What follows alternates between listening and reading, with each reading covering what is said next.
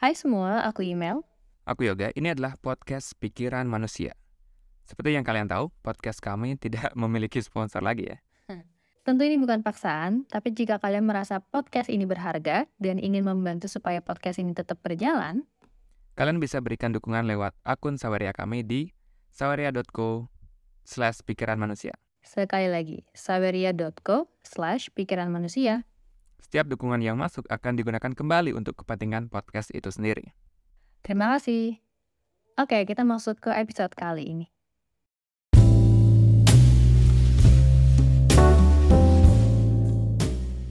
Halo, balik lagi di Pikiran Manusia.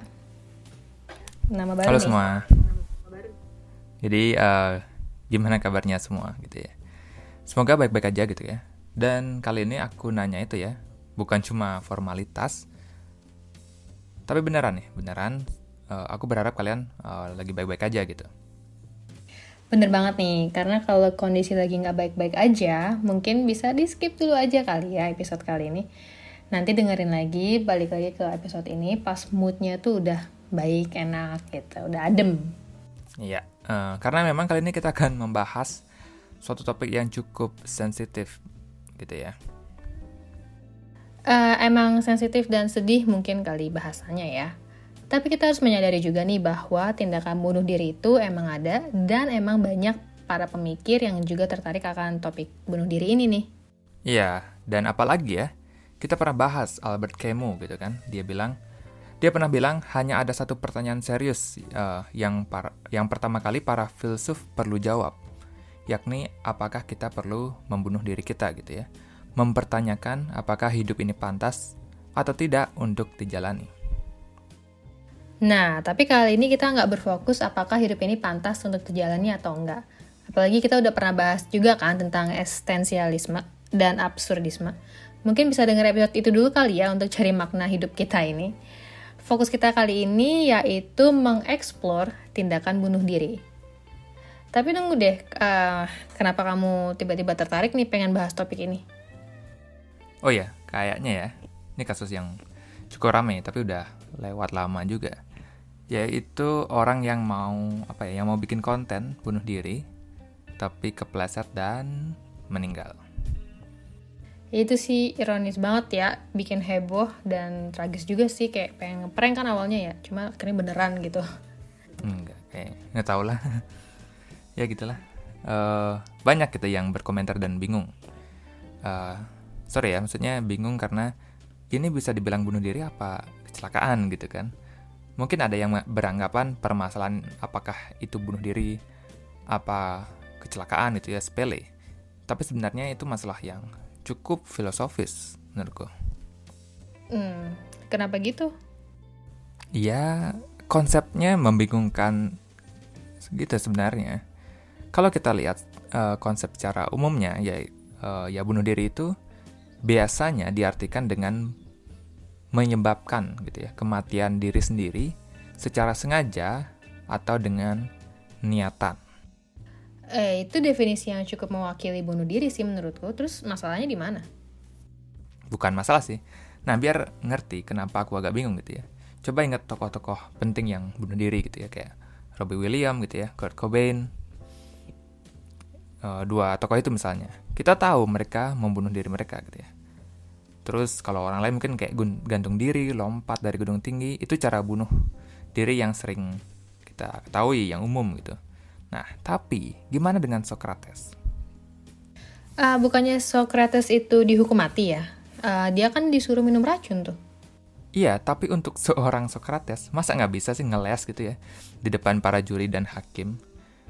Kalau nggak salah, hukumannya awalnya paling cuma apa ya, dibuang gitu, dibanish, diusir gitu. Tapi karena dia nantangin orang-orang yang ada di persidangan itu dan nunjukin gitu ya betapa bodohnya orang-orang di sana, akhirnya dia dijatuhin hukum, hukuman mati. Oh, berarti eh, bisa dibilang meskipun dia dihukum mati, tapi kenyataannya dia yang membawa kematian itu kepada dirinya sendiri gitu. Dan itu cocok dengan definisi bunuh diri tadi. Iya kan? Terus gimana dengan orang yang suka ekstrim po- sport juga gitu? Kayak free climbing gitu yang nggak pakai tali gitu kan, mendaki nggak pakai tali. terus ada terjun payung gitu, skydiving atau apalah gitu. Kalian tahu resiko kematiannya sangat tinggi. Tapi kenapa tetap dilakuin gitu ya? Maksudku uh, pembunuhan uh, pembunuhan yang gagal aja disebutnya attempted murder gitu ya, percobaan pembunuhan. Berarti mungkin aja nih extreme sport ini kayak uh, tadi yang ku jelasin contoh-contohnya, kita bisa bilang attempted suicide gitu ya, percobaan bunuh diri. Iya gak sih? Kayaknya. Iya, tapi kan mereka nggak ada niatan buat mati gitu loh. Kan kunci pembeda dari bunuh diri dengan dibunuh ya ada niatnya gitu. Berarti cewek yang bikin konten itu nggak bunuh diri dong sebenarnya? Iya, tapi gimana ya? Garisnya tipis gitu ya. Terus kalau niat itu penting, berarti uh, euthanasia gitu ya, dan assisted suicide itu juga bisa dibilang adalah salah satu bentuk bunuh diri juga gitu kan. Nah, buat yang nggak tahu euthanasia, itu tindakan mengakhiri hidup seseorang, biasanya pada orang yang sudah sakit parah ya, supaya orang-orang tidak menderita dan merasa kesakitan terus-menerus nih. Kalau assisted suicide, sebenarnya motifnya mirip, cuma bedanya tindakan tersebut dilakukan diri sendiri. Kalau euthanasia itu misalnya nih dokter yang melakukan suntikan, sedangkan assisted suicide itu ya kayak setupnya udah dilakuin sama dokter. Nanti pasien tinggal mencet tombol atau apalah ya, supaya cairan yang digunakan untuk mengakhiri hidup itu jalan lewat infus. Nah gitu ya kira-kira. Ini menunjukkan kalau definisi bunuh diri itu tidak uh, segampang yang kita pikirkan. Kebanyakan dari kita akan melihat bahwa bunuh diri adalah hal yang salah gitu dan berkonotasi negatif. Tapi kayak kematiannya Socrates yang tadi gitu yang aku sebut tadi bisa dibilang menjadi seorang martir gitu ya. Jadi seorang pahlawan gitu. Terus terdapat juga tindakan uh, euthanasia dan assisted suicide. Hal ini menunjukkan bahwa uh, bunuh diri mungkin tidak senegatif yang kita kira gitu. Iya ya uh, gimana dengan tentara yang berani gitu meluk granat biar teman-temannya nggak ada yang kena merelakan diri sendiri terbunuh itu juga tidak menunjukkan bunuh diri sebagai hal negatif kan jadi bunuh diri tidaklah selalu negatif ya, seperti yang banyak orang kira. Terus sekarang, tentu pertanyaan yang banyak ditunggu orang-orang, apakah boleh? Apakah secara moral bunuh diri itu diperbolehkan? Tentu dari sudut pandang agama gitu ya. Mostly ya, kebanyakan mungkin. Aku nggak tahu semua soalnya. Jadi anggap aja kebanyakan jawabannya tentu tidak gitu. Kalau argumen dari agama ada yang mengatakan bahwa badan dan jiwa ini adalah properti dari Tuhan, maka dari itu kita wajib menjaga dan hanya Tuhanlah yang mempunyai hak untuk mencabut nyawa ini, pasti. Atau mungkin argumen mengenai the sanctity of life, bahwa kehidupan itu suci, yang mana berarti kita tidak diizinkan untuk mengakhiri kehidupan selain terjadi secara alamiah. Benar, tapi kalian bisa mempelajari sendiri ya pandangan dari agama kalian masing-masing gitu mungkin. Lagian kami bukan teolog gitu ya. Jadi takutnya salah ngomong. Maka dari itu, kita bahas dari sudut pandang filsuf aja gitu ya.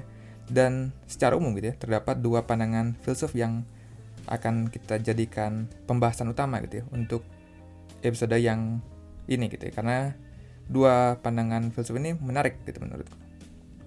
Dan dua pandangan ini berasal dari dua tokoh besar gitu, yakni yang udah kalian tahu masing-masing David Hume dan Immanuel Kant. Kita coba bahas dari sudut pandangnya Hume dulu nih. Nah, seperti yang kalian tahu, aku asumsikan kalian udah dengar ya episodenya Hume, bahwa David Hume adalah orang yang skeptis akan banyak hal dan bisa dibilang suka menantang gitu ya, dan melawan pemikiran tahayul. Hume berpikir bahwa orang-orang pada umumnya salah gitu ya mengartikan hubungan Tuhan dengan dunia yang uh, Tuhan itu sendiri ciptakan bagi manusia gitu. Berarti coba nih aku tebak. Hume melihat bahwa bunuh diri itu boleh untuk dilakukan. Iya, dan dia men-challenge uh, divine order gitu ya, atau perintah suci yang kebanyakan orang gitu ya gunakan untuk menjustifikasi kenapa bunuh diri itu tidak diperbolehkan gitu ya. Divine order ini maksudnya bahwa terdapat perintah suci dari Tuhan. Dan tentu aja salah satunya itu adalah untuk tidak melakukan tindakan bunuh diri. Terus kenapa menurut Hume ini keliru? Dia nggak bilang perintah itu salah gitu ya, tapi kitalah yang salah mengartikannya gitu ya. Jika Tuhan benar-benar melarang bunuh diri gitu ya, karena dengan alasan gitu ya mengintervensi kehendak atau divine order Tuhan tadi gitu ya. Terus kenapa kita dibenarkan untuk menolong menolong orang gitu ya? Baik itu dokter membuat pasien sembuh gitu ya dari penyakit, itu kan juga bentuk intervensi dong gitu ya. Ada orang yang hampir ketabrak mobil gitu ya, kita cepat-cepat tarik gitu ya. Kita punya kewajiban untuk itu menolong itu. Padahal itu juga intervensi, gitu ya, intervensi terhadap uh, kematian orang gitu. Oh, jadi banyak lah ya contoh-contoh di mana kita diperbolehkan mengintervensi kematian. Jika itu boleh, kenapa bunuh diri nggak boleh? Padahal kan sama aja ya, sama-sama mengintervensi takdir atau divine order tadi. Kalau emang orang itu ditakdirkan untuk mati karena sakit, kenapa di dunia ini ada ada dokter? Ya, apalagi kalau memang terdapat larangan bunuh diri, bukannya seharusnya diintervensi gitu ya oleh Tuhan yang Maha Kuasa supaya tidak terjadi gitu ya jika bunuh diri sampai terjadi, berarti kemungkinan ini bahwa ingat ya Hume yang ngomong ya bahwa diri bahwa bunuh diri tidaklah dipermasalahkan oleh Tuhan gitu ya. Sama halnya dengan kita memiliki kemampuan untuk mengintervensi banyak hal di hidup ini, seperti membangun peradaban gitu ya, membangun fasilitas kesehatan atau membuat vaksin kayak Covid kemarin gitu ya. Sama halnya gitu ya dengan intervensi yang kita lakukan di berbagai aspek kehidupan lainnya tadi gitu ya. Bunuh diri juga merupakan bentuk intervensi yang sama terhadap diri sendiri gitu ya. Menurut Hume, kita diberi Tuhan kemampuan untuk mengakhiri ini semua gitu. Maka dari itu gitu ya, menurut Hume, ingat ya, yang dari tadi itu ngomong Hume terus. Dia nggak bilang secara langsung bunuh diri itu boleh ya. Dia nggak ada belak-belakan bilang boleh gitu. Tapi yang dia bilang gitu ya, bahwa bunuh diri itu terbebas dari guilt and blame gitu ya. Jadi bunuh diri itu tidak tidaklah salah dan terbebas dari uh, rasa bersalah gitu. Bukannya dia bilang boleh gitu ya. Ini semua kata Hume ya. Tapi itu tentu maksudnya Hume, bunuh diri boleh jika kehidupan yang sedang dijalani itu memang lebih buruk daripada kematian kan? Iya, karena orang yang bunuh diri memang merasa kematian terlihat lebih manis gitu ya daripada melanjutkan penderitaan. Kalau hidupnya enak ya nggak ada yang pengen bunuh diri juga kalau hidupnya enak gitu. Oke, okay, kalau argumennya Hume lebih sekuler, gimana? Apa dia nggak merasa kalau bunuh diri itu melanggar kewajiban kita ke masyarakat dan diri sendiri? Menurut Hume sih nggak, apalagi kalau memang kamu menderita ya, dan tidak berkontribusi ke masyarakat. Karena masyarakat tidak memberimu keuntungan gitu ya.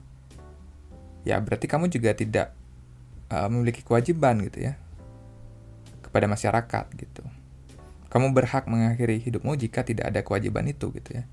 Hume sangat menekankan kebebasan personal gitu ya dalam permasalahan ini. Uh, ya kayak biasanya lah ya pandangan yang cukup kontroversial dari Hume. Nah tentu kita nggak akhiri podcast ini di sini dong. Agak serem juga sih kalau berakhirnya di sini dengan saran saran bunuh diri yang diperbolehkan. Enggak lah.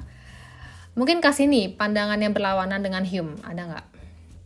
Ya rencananya emang gitu ya biar nggak jadi masalah oke jadi kalau mau dengerin gitu ya harus sampai habis ya dengerin podcast ini jangan sampai Hume aja gitu ya nah pandangan berlawanan muncul dari Immanuel Kant gitu ya dia bahkan membuat klaim yang sangat tegas bahwa manusia yang bunuh diri gitu ya terperosok lebih rendah daripada hewan buas gitu.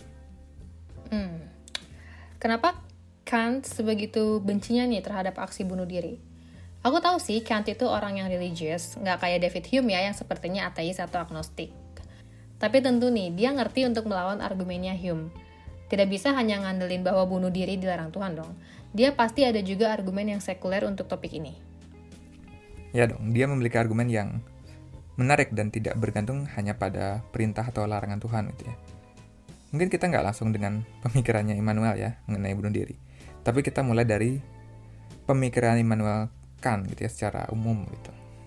Kayaknya dulu kamu udah pernah deh sedikit bahas mengenai imperatif kategoris di episode mengenai etika, kalau nggak salah ya. Tapi itu dulu banget nggak sih pas awal-awal dan kayaknya kita ngejelasin dulu tuh masih nggak terlalu jelas gitu deh. Mungkin kita ulang dikit kali ya mengenai Immanuel Kant. Ya kita ulang dikit ya. Uh, dan semoga kali ini lebih benar ya, biar nggak percuma aku kuliah. Nah, oke, okay, bagi Immanuel Kant gitu ya. Ini uh, moral teorinya kan ya. Bertindak moral berarti bertindak berdasarkan rasionalitas gitu ya.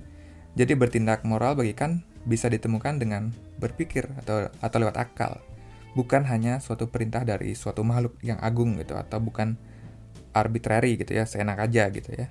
Kayak budaya A bilang gini, ya emang gitu aja gitu ya. Nggak gitu menurut menurut kan. Panduan moral gitu ya, moral guidance bisa kita temukan lewat akal gitu. Maka dari itu, dia merumuskan imperatif kategoris ya. Kayak yang udah pernah kita bahas sebelumnya nih. Ya ini kita bayangkan suatu tindakan yang kita ingin lakukan itu diuniversalkan nih. Kalau kita mau mencuri, berarti kita juga boleh dong orang lain buat nyolong barang kita. Semua orang boleh nyuri gitu. Dan kita bisa bayangkan nih di dunia yang seperti itu, semua orang saling mencuri satu sama lainnya, membuat konsep kepemilikan jadi hilang nih dan dunia itu juga bisa jadi kacau. Benar. Tapi jangan salah ya. Bukan berarti maksudnya kan hanya karena dunia jadi kacau maka mencuri itu tidak boleh ya. Karena mungkin ada ada aja yang suka gitu kan. Dunia yang kacau gitu. Terus apa salahnya gitu ya mencuri bagi orang-orang yang suka dengan dunia yang kacau dan suka mencuri ini gitu ya. Maka dari itu yang kan ingin kita pahami adalah dengan menguniversalkan mencuri, konsep mencuri itu sendiri hilang gitu ya. Loh kok bisa gitu kan?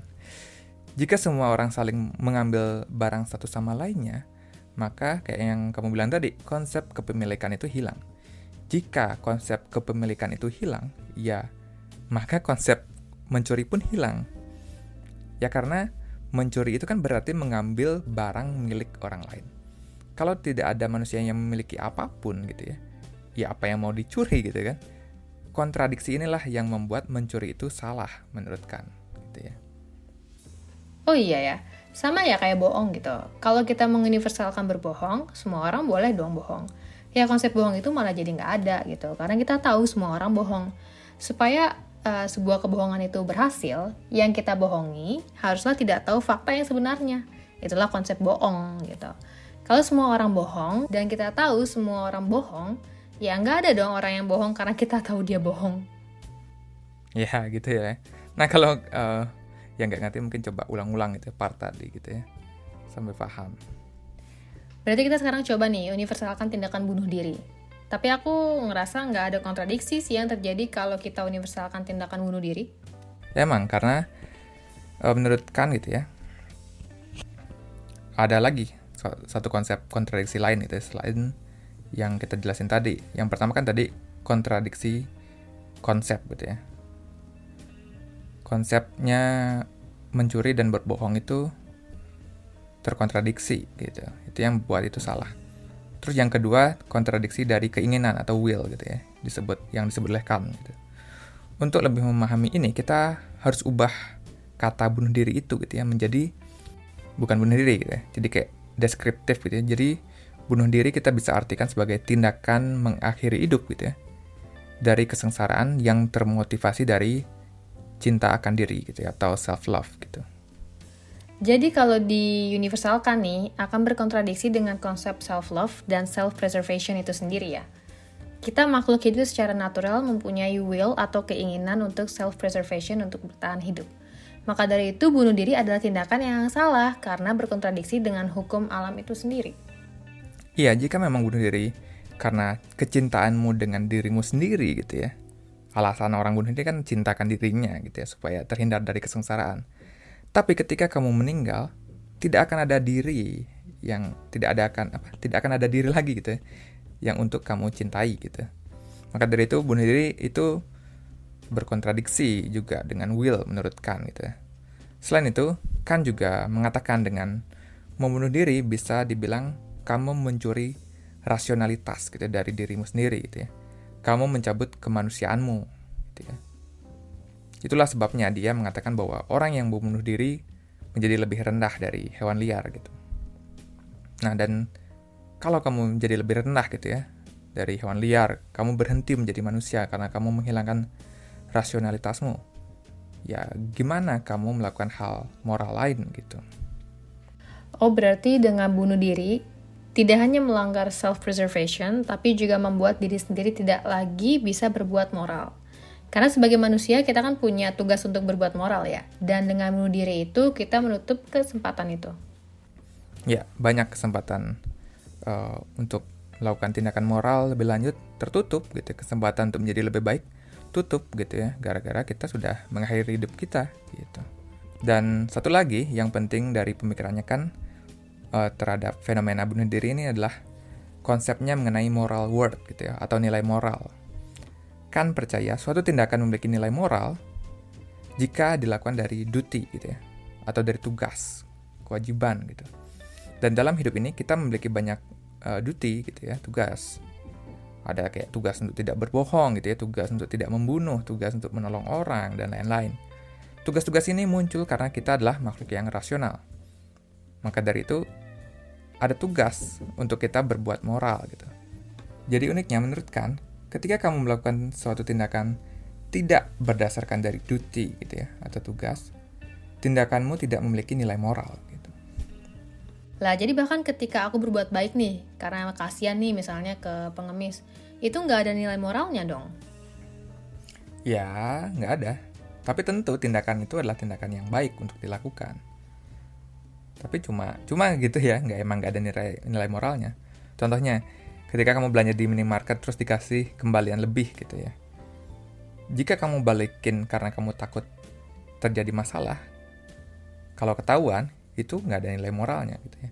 Jika kamu balikin karena uh, kasihan gitu ya, uh, biar kasirnya nggak gantiin uang yang hilang gitu ya itu juga nggak ada nilai moralnya hanya karena kamu merasa itu tugasmu gitu ya untuk mengembalikan uang tersebut barulah memiliki nilai moral. Oke nih aku ngerti nih. Tapi kenapa hanya tindakan yang bersumber dari tugas ini yang memiliki nilai moral? Kenapa rasa kasihan kepada kasirnya itu nggak dianggap nilai moral gitu? Kan menganggap bahwa jika apa kamu balikin uang tuh karena kamu nggak mau kena masalah gitu ya. Yaitu sumber tindakanmu dari rasa takut gitu ya. Dan ya tentu nggak ada nilai moralnya. Terus kalau kamu kasihan itu dari, itu bersumber dari empati gitu ya. Dan sangat mudah gitu ya menurut kan bertindak jika hatimu sudah tergerak gitu ya. orang-orang yang berempati ini dengan mudah membantu orang lain gitu ya. Dengan mudah juga gitu ya, berbuat tindakan moral. Effortless gitu kan. Karena emang kecenderungan orang-orang yang kayak gini yang berempati kasihan itu emang suka nolong. Jadi nggak nggak nggak ada nilainya nggak nggak nilai moral gitu akan tapi gitu ya orang yang bertindak dari kewajiban atau tugas dia sadar dia pengen nilap uang itu gitu ya ada hasrat untuk berbuat amoral atau berbuat yang salah. Tapi dia lawan karena dia ingin menjalankan tugas duty gitu ya.